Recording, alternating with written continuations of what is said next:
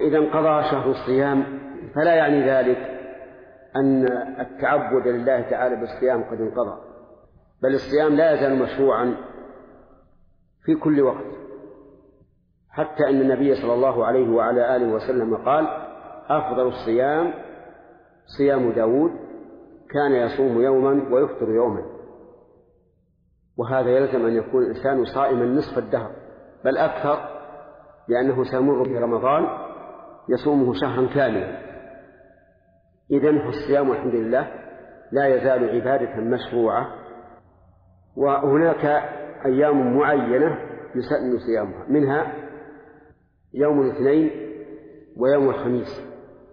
فإن النبي صلى الله عليه وعلى آله وسلم سئل عن صوم يوم الاثنين فقال ذاك يوم ولدت فيه وبعثت فيه أو أنزل علي فيه. وكان يصوم يوم الاثنين والخميس فقيل له في ذلك فقال هما يومان تعرض فيهما الأعمال على الله تعالى فأحب أن يعرض عملي وأنا صائم.